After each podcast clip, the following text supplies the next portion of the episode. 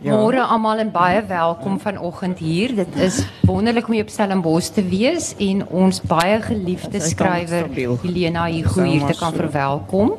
Sy gaan vanoggend gesels met Wendy Martins. Wendy is ook 'n skrywer, 'n kinderboekskrywer en 'n skilder en 'n digter dink ek en sy's ook boeke-redakteur by Leef. En Helena is soos julle sekerlik weet, die skrywer van Martha en haar naam is Rachel en 'n hele rits boeke wat almal baie uh, groot leserskap gekry het en baie geliefd is. So ek gaan sommer dadelik vir hulle sê om te begin gesels. Baie dankie.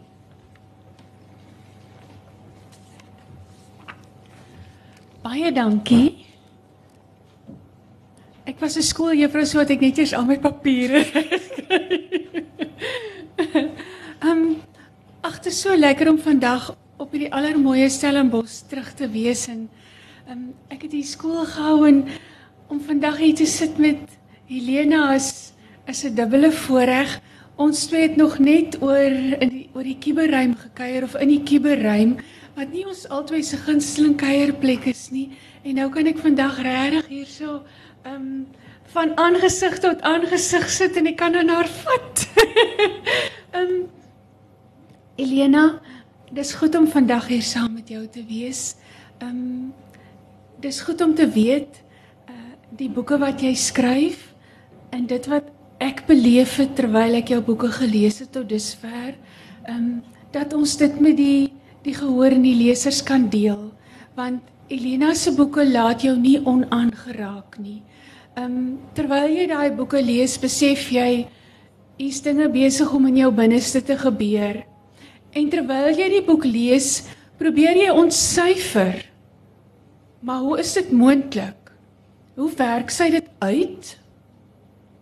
Hoe bewimpel sy dit met woorde? En dan kom 'n mens tot 'n slotsom dat daar iets veel groter is as Elena wat die skrywer is of jy wat die leser is wat al hierdie onsigbare dinge soos my ouma sou sê bymekaar trek en dit wat met jou gebeur skep en jy lees daai boek ook net presies op die regte tyd en op die regte plek in jou eie lewe want dis wat met my gebeur het. Ehm um, dit was 'n opdrag om Elena se boeke te lees en met haar te gesels en ek het net besef terwyl ek my besig is dis nie 'n werk nie. Dis nie werklike opdrag nie. Die die Here het daai boeke gestuur vir my om te lees op 'n tyd wat ek hulle nodig gehad het. En sy het uit Helena oor my pad gebring in haar woorde en alles wat daarmee saamkom op 'n tyd wat ek dit nodig gehad het. En ek hoop regtig ons praatjie van vandag kan vir julle net iets van die misterie gee van hoe groot en hoe wonderlik en hoe wyd die wêreld van woorde is. En as die goeie Vader daarbey betrokke is, ehm um, span dit soveel wyer as net taal en reëls en regie. Um, dit vloed net eenvoudig voort. Dit vloei net eenvoudig voort en en niks kan dit keer nie.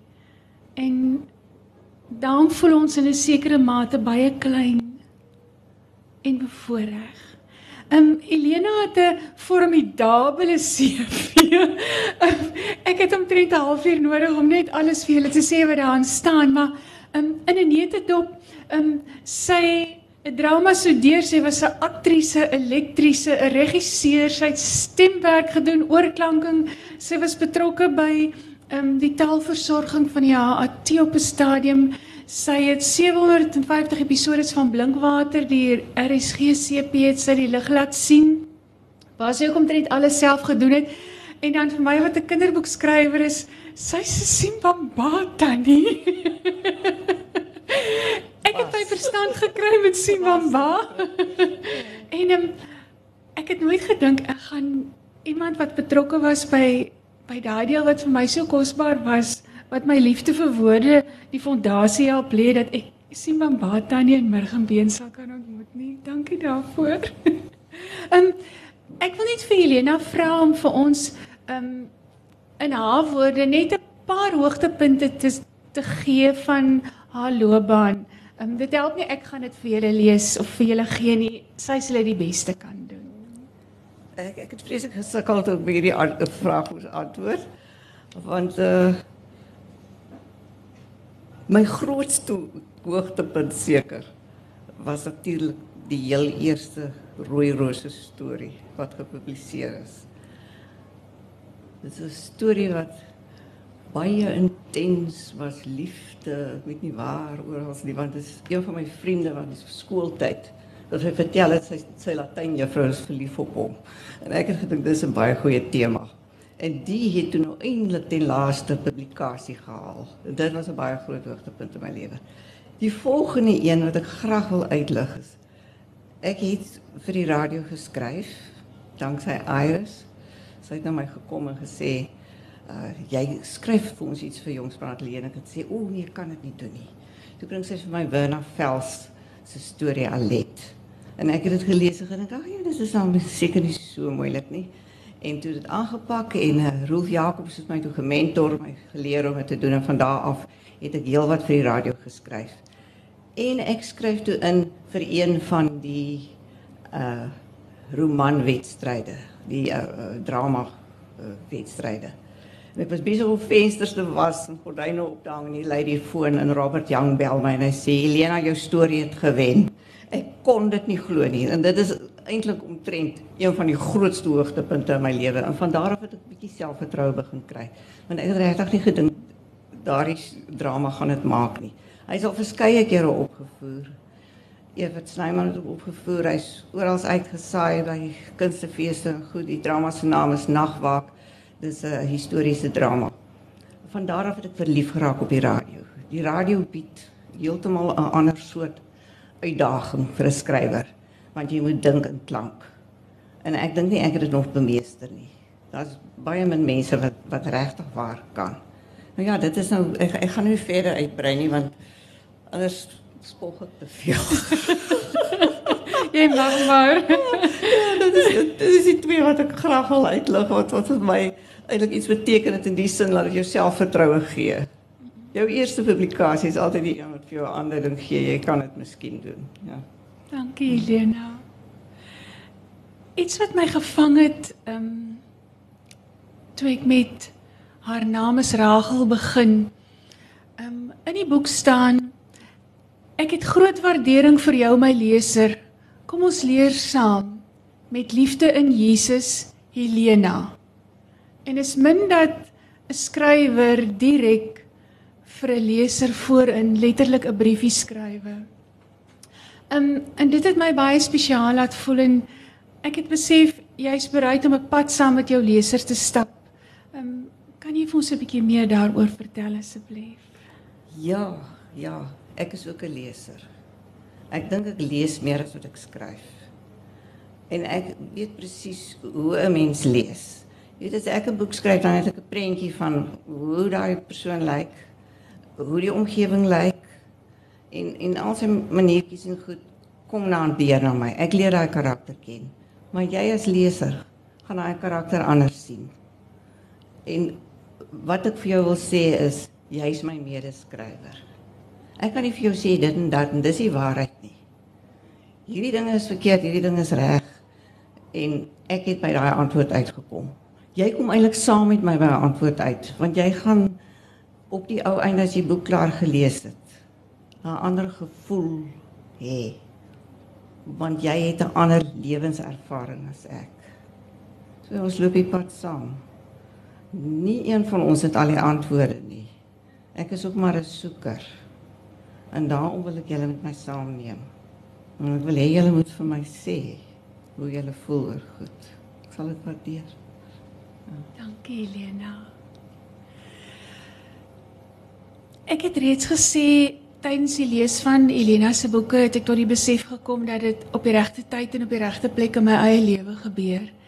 En ehm um, dat sy waarlike instrument in die hand van die goeie Vader is op 'n manier wat 'n mens nie regtig kan verstaan nie.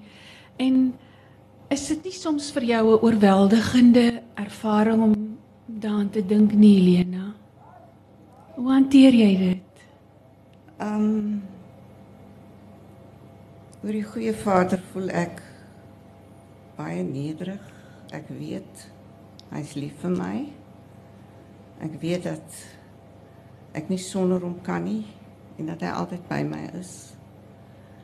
En ek kan nie sonder hom skryf nie. As ek in die oggend begin dan sit ek en dan sê ek my gebede op en ek vra vir hom asseblief gee vir my die woorde. Help my. En mens kan werklik maar sy teenwoordigheid voel as jy van hom afhanklik is. Want uit jouself kan jy niks nie. Hy gee vir almal die talent, nie net vir my nie. Almal wat skryf, al skryf hulle nie oor uh God of oor Jesus of oor godsdiens nie. Hulle kry die talent en hulle kry die vermoë reguit van ons Skepper. En dit maak my baie nederig. Ek wil net altyd dankie, dankie sê want jy kom eintlik partykeer by punte waar jy nie verder kan gaan nie. Jy's moeg. Jy weet nie links of regs nie. En dan gaan sit jy maar by jou lesenaar en jy doen jou werk. Maar die wat saam met jou werk, is hy. Hy gee vir ons die lewe, hy gee vir ons die woorde. Dit is so mooi gesê, hy gee vir ons die lewe en hy gee vir ons die woorde. Sjoe. Ek het groot respek vir die feit dat jy nie blog of tweet of Facebook nie. Ek het gedink ek is die enigste alien en toe kom ek agter maar ons is twee. um, sy het my 'n e-pos geskrywe. Mense sal my seker op versterkwater sit as die laaste persoon wat geswig het voor sosiale media. Vertel ons meer oor hierdie keuse van jou asseblief. Dit is eintlik 'n moeilike ene, maar ek wil hom in perspektief stel. Weet toe toe Facebook begin het, is ek deur verskeie mense uitgenooi om deel te neem. En dit is vir my dit my so oorweldig dat ek nie geweet het watter kant toe ek besluit los dit liewers. Want daar het luister deur gekom van mense wat sê I want to be your friend en dan is dit mense wat ek glad nie ken nie, wat ek dalk glad nie wil ken nie. Vriendskap is vir my soveel werd dat ek is van die ou tyd se soort. Ek sal nou en dan bel Ek het vriende vir wie ek e-pos skryf, spesiale brief. Ek het vriende wat op Facebook is en ek kry al daai goeders. Jy weet al hierdie goedjies wat deurkom deur Facebook, kry ek ook en ek sien dit. Miskien kry ek nie alles nie, maar daar is van hulle wat deurkom. So dis nie asof ek heeltemal afgesny is van daai wêreld nie. En eh, partykeer in koerante en oor die media, radio en so hoor mense mense gee hulle mening. Soos nie asof ek nie mense se mening waardeer nie. Dis net vir my Facebook is vir my so 'n amorfe massa iets. Dit kan dalk iets goeds doen op die ou einde. Dit bring seker baie goed, maar daar is baie probleempies ook wat mense optel dat mense agter 'n vals profiel skuil dinge doen en ander mense seermaak en wil in die werklike lewe kry mens dit nie so maklik reg soos soos soos met uh, elektronika nie. So ek het maar 'n bietjie weggebly daarso. Wat vir my ook snaaks is, is as president van so en so 'n land tweet dit. tweet Twitter. Dit is 'n oulike woord, alles wat net op te dink die president tweet hierdie belangrike aankondiging oor haar Twitterblad. So ek wil dit nie afmaak nie. Daar's seker mense wat dit geniet en ek sal dit ook geniet. Ek geniet ook goed wat gesê word, maar basies wil jy jou tyd regtig waar gee. So, 1 tot 1. Ek wil jou in die oë kyk, ek wil jou leer ken. En om ek ek sal heeldag op Facebook sit as ek by Facebook betrokke raak. so ek wil bly liewer weg anders ek nooit my werk doen nie.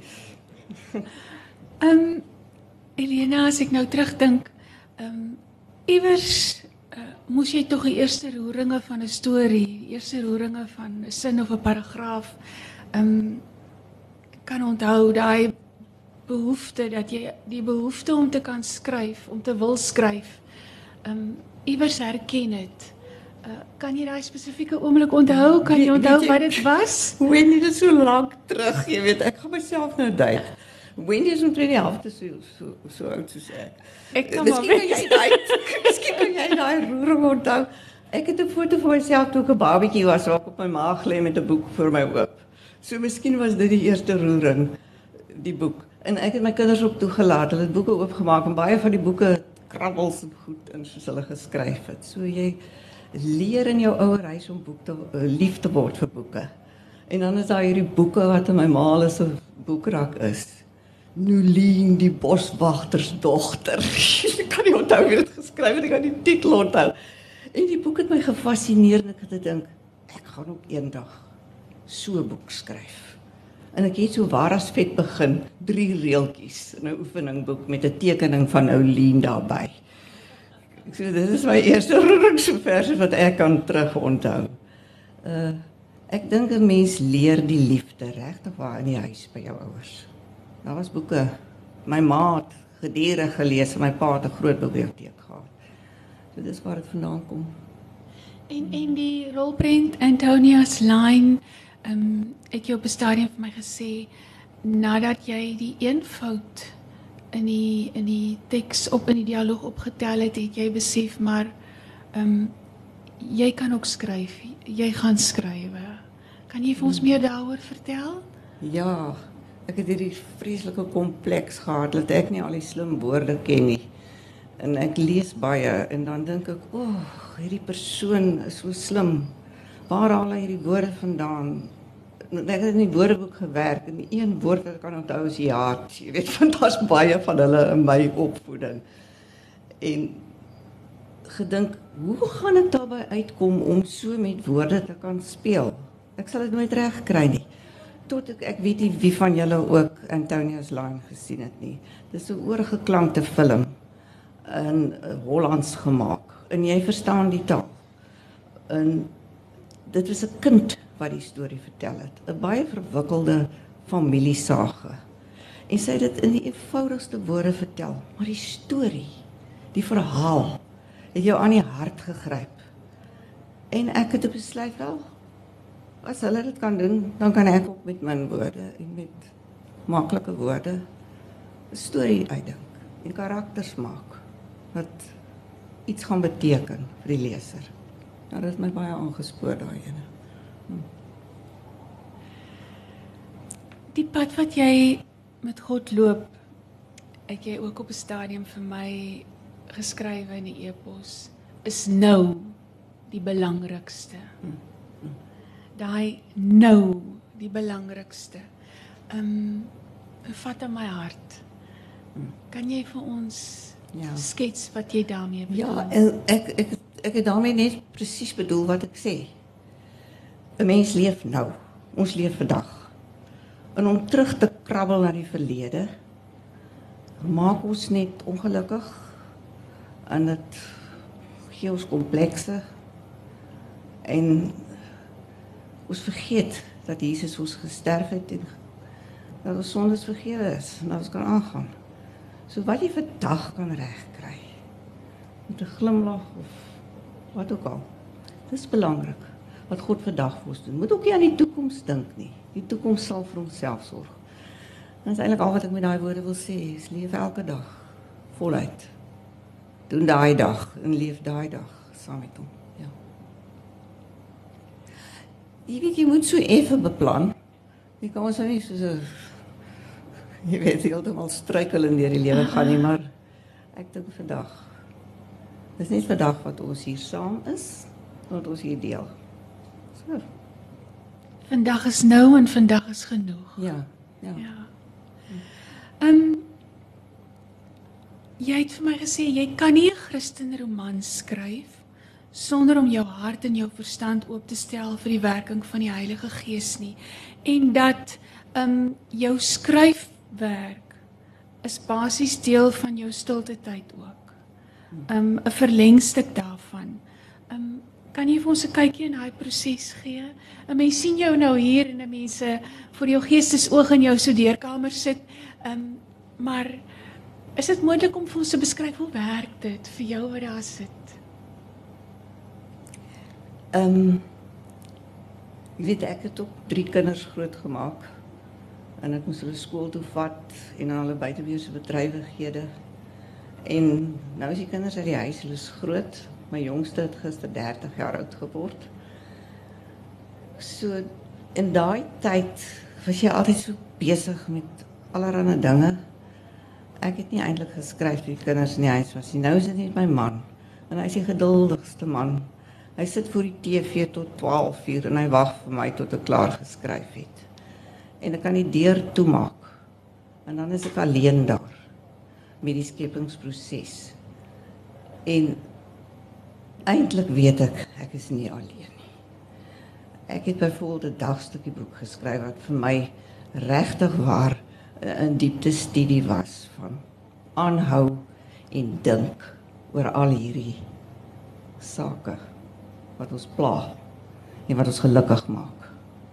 So vir daai stukkie wat ek ek het nou 'n lisensie om alleen te wees, om lank alleen te wees saam met die Here. Dit is wonderlike voorreg.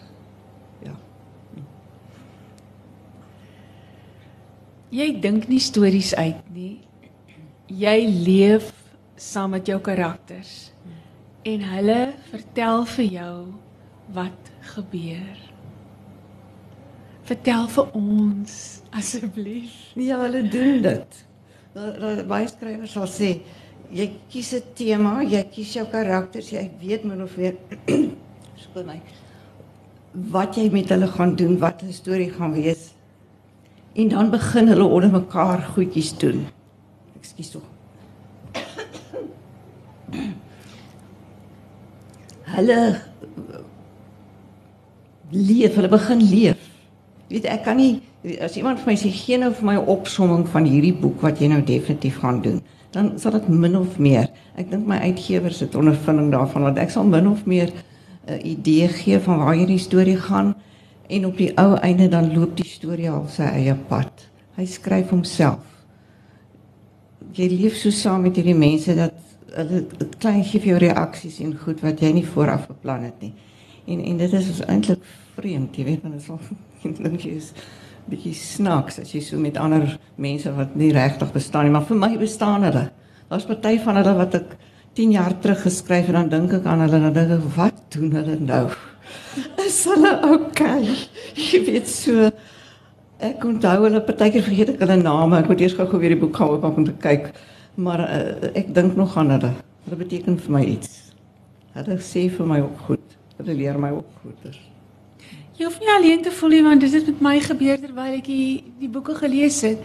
Toe ek vir Rachel en en vir Martha gelees het, ehm um, was dit vir my elke keer so lekker om terug te gaan na dieselfde Weskusdorp met dieselfde mense. Jy ken die dorp, jy ken die mense, jy ken die bakker, jy weet wie doen wat. Jy weet wie is effens teruggetrokke. Jy die plek bestaan later regtig vir jou.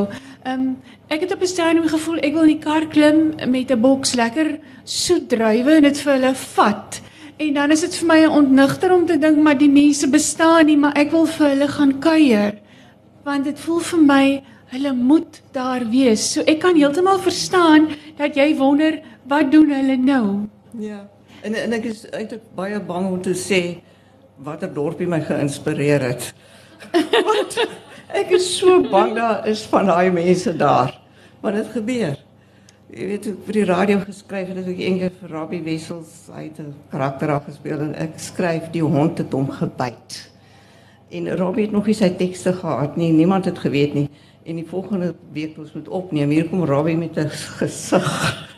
Toe het die hond hom gebyt. Dit so in in daai dorpie, ek en Veronica daar gaan ry in die een dorpie wat my geïnspireer het. Hy lyk glad nie soos die dorpie wat ek beskryf nie. Ek het hom geromantiseer maar ek het daar ook goed gesien wat my weer verder geïnspireer het. Ek is doodbang hulle vind uit. Daai een huis. goed. Ek sal liewers nie sê ek wat die dorpie se naam is nie. Ons bly weg. Maar die mense daar is my liefste vriende. Ek is lief vir hulle. En hoe dit gebeur dat um, die verhaal, die volgende boek elke keer in dieselfde dorp op die ou einde afgespeel het. Ehm um, jy het dit sekerlik nie beplan toe jy met die eerste boek begin skryf het nie. Jy het dit gegroei soos wat die boeke gevorder het. Hoe het dit gebeur dat dat daai dorpie so kosbare plek geword het waar so baie dinge gebeur? Ek gaan nou 'n geheimpie hier so uitlaat. Dit is nou sommer skrywersluiheid wat daartoe aanleiding gee. Dit is baie moeilik om 'n infrastruktuur te skep. Om elke keer 'n nuwe plek uit te dink met nuwe mense. Ek het al geskryf oor Johannesburg, Henry Potgieterstraat en so. Hy is daar. Maar ek pr probeer liewers om hierdie plekke wat regtig nie wat wat, wat mense kan regtig vasstel waar dit is nie. En sodra ek hulle het, dan is dit dan verskyn hierdie mense en hierdie plekke word net meer bekend vir my.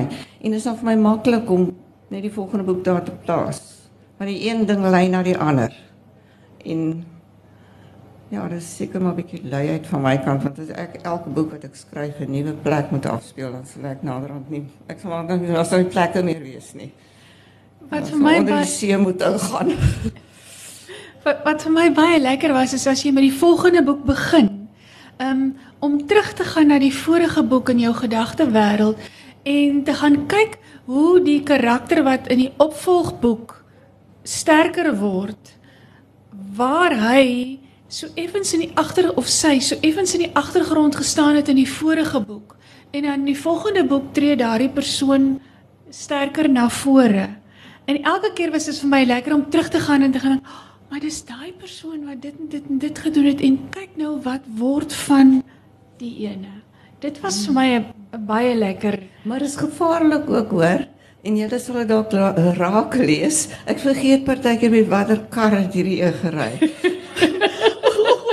of hoe ver sy hekkie van die van die voordeur af is. En en en dan skielik is hier 'n suster of 'n broer wat ek skoon vergeet het in die volgende boek. En dit is baie moeilik want ons kry ander redigeerders en ander taalversorgers. So ek maak 'n lys. Die lys is daar, maar daar glip partykeer net hierdie goedjies deur. So as ons nou dan 'n omnibus maak, dan kan ons hom nou mooi, jy weet, bekyk. Maar ek skrik my byna dood elke keer as ek sien kyk hier glip 'n ding uit wat ek regtig waar. Ja, het ek nou onthou hierdie een ry met 'n kombi of met 'n viertrek. Dis goed waaraan jy moet dink as jy dit moet so opvolg. Ja, dis gevaarlik. Ehm um, en dan is daar daai ding wat 'n sleutel by elkeen van jou boeke is, die die die sleutel van ehm um, die hele storie kan basies in een teks, hy's gewortel in een teks. In die teks is ook voor in die boek. Ehm um, vertel ons asseblief van van daai unieke benadering want ehm um, ek het my net telkens verwonder dat 'n hele boek, die doen en late kan jy kan hom soos 'n trechter terugbring na daai druppeltjies wat onder uitloop en dis die teks. Asseblief. Ja, die teks is baie belangrik want die teks is vir my die tema. En baie boeke het voor in 'n slagspreuk of een of ander aanhaling waar waarop die skrywer dan kan jy agterkom dit is 'n tema wat deur sy boek loop. En die teks is vir my my inspirasie, dis my anker. Ek kan altyd daarna teruggaan. Partykeer dan kies ek so drie tekste en dan mettertyd soos ek nou skryf, besluit ek op die teks. Daar sal altyd 'n teks wees hoor voor voor hierdie boeke, altyd. Want ek kan nie sonder daai anker nie. Dit bring ons net weer terug na die Here en na die Skepper wat die proses aan die gang sit en aan die gang hou.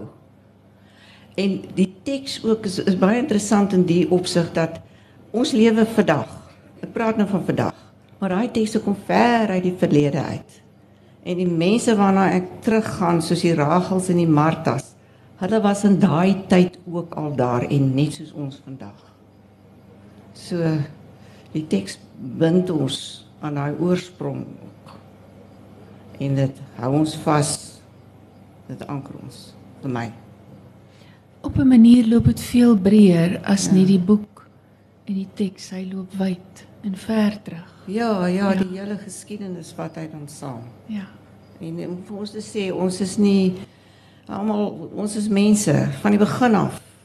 Daarom het die Bybel nog steeds die antwoorde. As jy Jesus se stories gaan lees, dit is net so modern soos enige storie wat ons vandag vertel. En die probleme van die mense is dieselfde. Dit is nie anders as vir ons nie. Hmm. En dan jou die lesing wat jou pa vir jou gestuur het. Ehm um, waaruit Rachel of waar wat Rachel se eerste saadjie geplant het. Um sin creativity and the Christian life. Um daai het Rachel gevloei en tot 'n mate Martha ook. Dit het 'n invloed op Martha ook gehad. Kan jy vir ons vertel um hoe Rachel uit daai lesing gegroei het wat jou pa vir jou gestuur het? Daar's 'n spesifieke stukkie wat jy vir my vertel het van hoe jy vir Rachel gesien staan het. 'n Beeld ja. van haar. Ja. En dit het my net absoluut koue rillings gegee en ek het besef as soveel Rachels rondom ons en in elkeen van ons is 'n stukkie van 'n Rachel. Ja. Ja, hy my pa is nou al oorlede, maar hy het altyd vir my goedjies gestuur. En hierdie stukkie het hy sommer uit een of ander tydskrif uh, teologiese tydskrif gehaal geknip of ek gesê Lena kyk hier nou. In in die sin creativity en wat is die ander woord uh, ah. ja, dis vergeet. Uh and the Christian life. And the Christian life. Want dit gaan eintlik dan oor die Christen en en hierdie lesing is gelewer in Engeland 2004 of so deur Christen teoloog vrouens, twee vroue. 'n Vreeslike lang en ingewikkelde lesing. Ek het om die waarheid te sê die lesing 'n paar keer deurgelees. Maar al is 'n mens ook nou nie so filosofies aangelê al het jy nie al daai agtergrondkennis nie, is daar tog goed wat jou raak. Ek het baie onderstreep in die lesing en dit het tot my gespreek. Daardie ding het my oog gevang. Want hulle het gesê, hulle het gepraat oor Rachel, hulle het Rachel gebruik en Maria. Rachel wie se kind vermoor is sodat Jesus gered kon word. En hulle het haar so goed beskryf. Jy weet dit gesê sy ly 30 jaar aan posttraumatiese skok. En hulle het haar geteken as hierdie figuur wat op die heuwel staan en kyk hoe Jesus gekruisig word. Sy staan daar in vodde. Want sy wil nie meer leef nie. Haar kind is uit haar arms geruk. Sy het ook allerlei merke, littekens aan haar soos sy beklei het om die kind te kan red. En dan staan sy daar en sy kyk hoe Maria verbykom en ook natuurlik sien hoe haar kind moet sterf. En hulle bring dan hierdie twee vroue bymekaar uit. Wie vergewe wie eerste? Daai beeld van Rachel het my regtig waar geïnspireer om aan te gaan met hierdie boek want hulle sê ook daardie Rachel, hulle het vir haar, hulle het haar ingekleer vir haar karakter gegee. Want kyk in die Bybel is dit mos nou nie spesifiek Rachel nie. Hulle sê mos Rachel tree haar kinders. So Rachel word daar voorgestel as die volksmoeder. So sy is maar net 'n moeder. En hulle noem haar dan Rachel. Hulle sê sy was hierdie kunstenares. Sy het hierdie pragtige weefwerk gemaak. En sy was besig om vir haar kind 'n tuniek te weef. 'n Stukkie klere. En toe hulle daar kom en die kind gryp, kon sy nie weer aangaan nie. En daai goedjies hang nou al daar in die weefstoel aan flenters. En ek is seker moeders wat kinders verloor, sal daai gevoel verstaan. Dit is my regtig waar is soos vir jou. Ja, geraak. Dis baie pyk daai beskrywing. En reg. Dankie vir die manier waarop jy dit geïnterpreteer het want ehm um, dis dis asof 'n mens uh, soms as 'n mens 'n rolprent sien en jy stap by die teater uit dan worstel jy weke lank met sekere beelde wat jy gesien het want jy weet nie wat om daarmee te maak nie tot die ding uiteindelik sy leë gekry het. En daai beeld van Rachel is een van daai dinge ek sal dit nooit vergeet nie. En dan ehm um, jou pa se lesing terwyl ons nou terwyl ek aan tyd dink uh iemand het vir my gesê se liggie flikker het ek 10 minute oor. Waar's daai liggie nou? Nog 12. 'n Vrou se timing is nie so sleg nie, nê? Dankie. Ekskuus Helena. Ehm um, jou pa se lesing ehm um, het ook op 'n uh, tot 'n mate bygedra tot die ontstaan van Martha. Ehm um, jy het vir my 'n sin gestuur van Valerie Saving Goldstein. Ehm um, uit the human situation a feminine view. Die spesifieke sin sê the fruit of sin that many women produce does not derive from the classical Augustinian sin of excessive self-centeredness but rather from the sin of excessive self-loss. Ehm um, kan jy vir ons meer daaroor sê en in ja. en die Martha in elkeen van ons as ja, die Martha in, in in elkeen van ons mindere meerdere mate. Ja. Dat ons soveel van onsself gee. Jy weet dit is huis skoonmaak, kinders versorg en net die hele tyd besig wees en dan nog ons vrouens wat altyd by die kerk ook betrek word. Met koek bak en tee skink en ons is maar altyd bereid. Ons werk en ons werk en ons werk en ons werk. En eintlik op die ou einde van die dag, as ek so nare uitdrukking kan gebruik, verwyd ons die mense vir wie ons werk. Ons raak al hoe minder en minder. En ons doen dit aan onsself. Ons neem nie tyd om tot rus te kom nie. Soos Maria by Jesus nie. Want kyk wat het Martha gedoen? Sy het na Jesus gegaan en gesê: "Sê vir my suster sy moet my kom help." Sy het haar eintlik probeer aftrek na haar posisie. Sy het nie daaraan gedink dat sy bietjie tyd kon afstaan en Jesus te leer ken nie. Dis wat die Martas doen.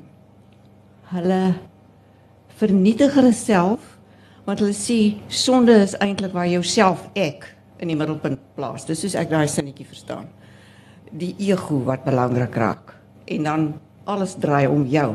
Maar ons Martas doen dit op die teenoorgestelde manier. Ons vernietig onsself en dit is ook 'n sonde want God het ons geskep met potensiaal. En al moet jy dan nou wag tot jy 50 is voor jy begin skryf, soos ek regtig waar voltyds begin skryf. Daar is tyd.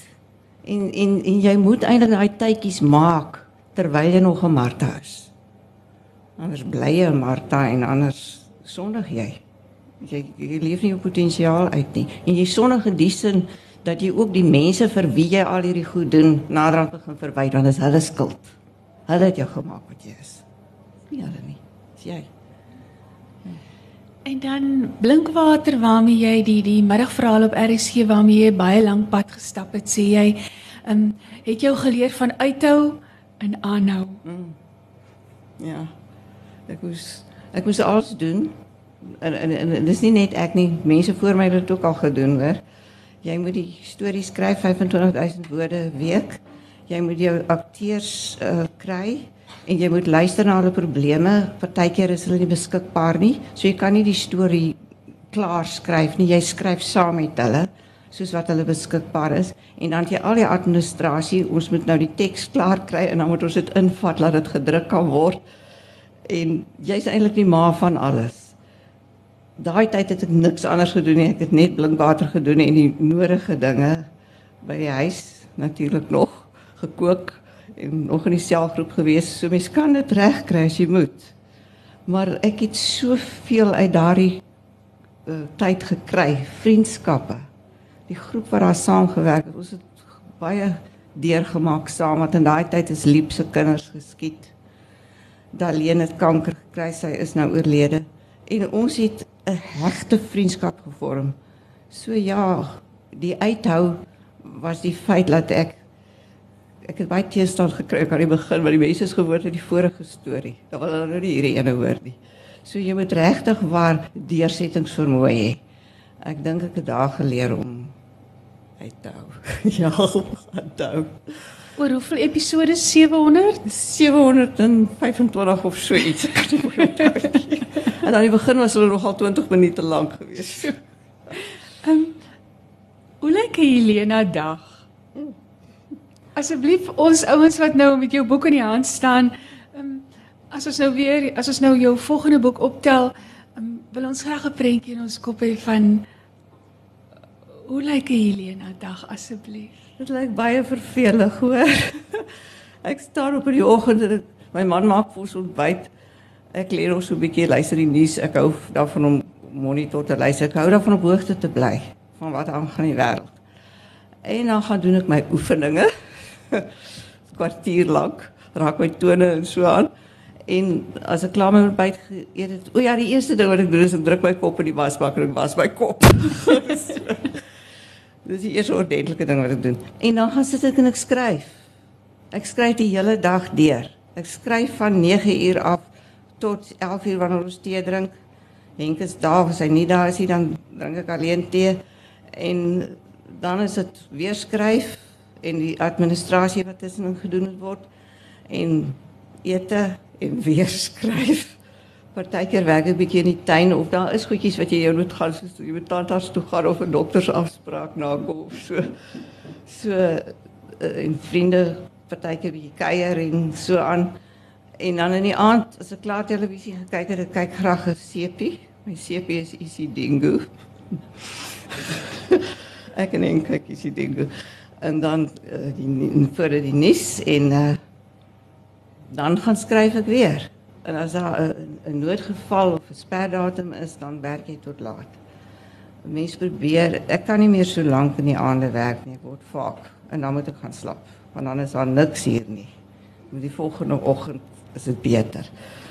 So, dis my lewe en as ek klaar iets afgehandel het, 'n projek, dan probeer ek om 2 weke weg te bly en te lees, lees baie en te kuier en ja, soos ander mense te leef, bietjie tussen mense te kom. Moet leer om my te gedra tussen mense dan.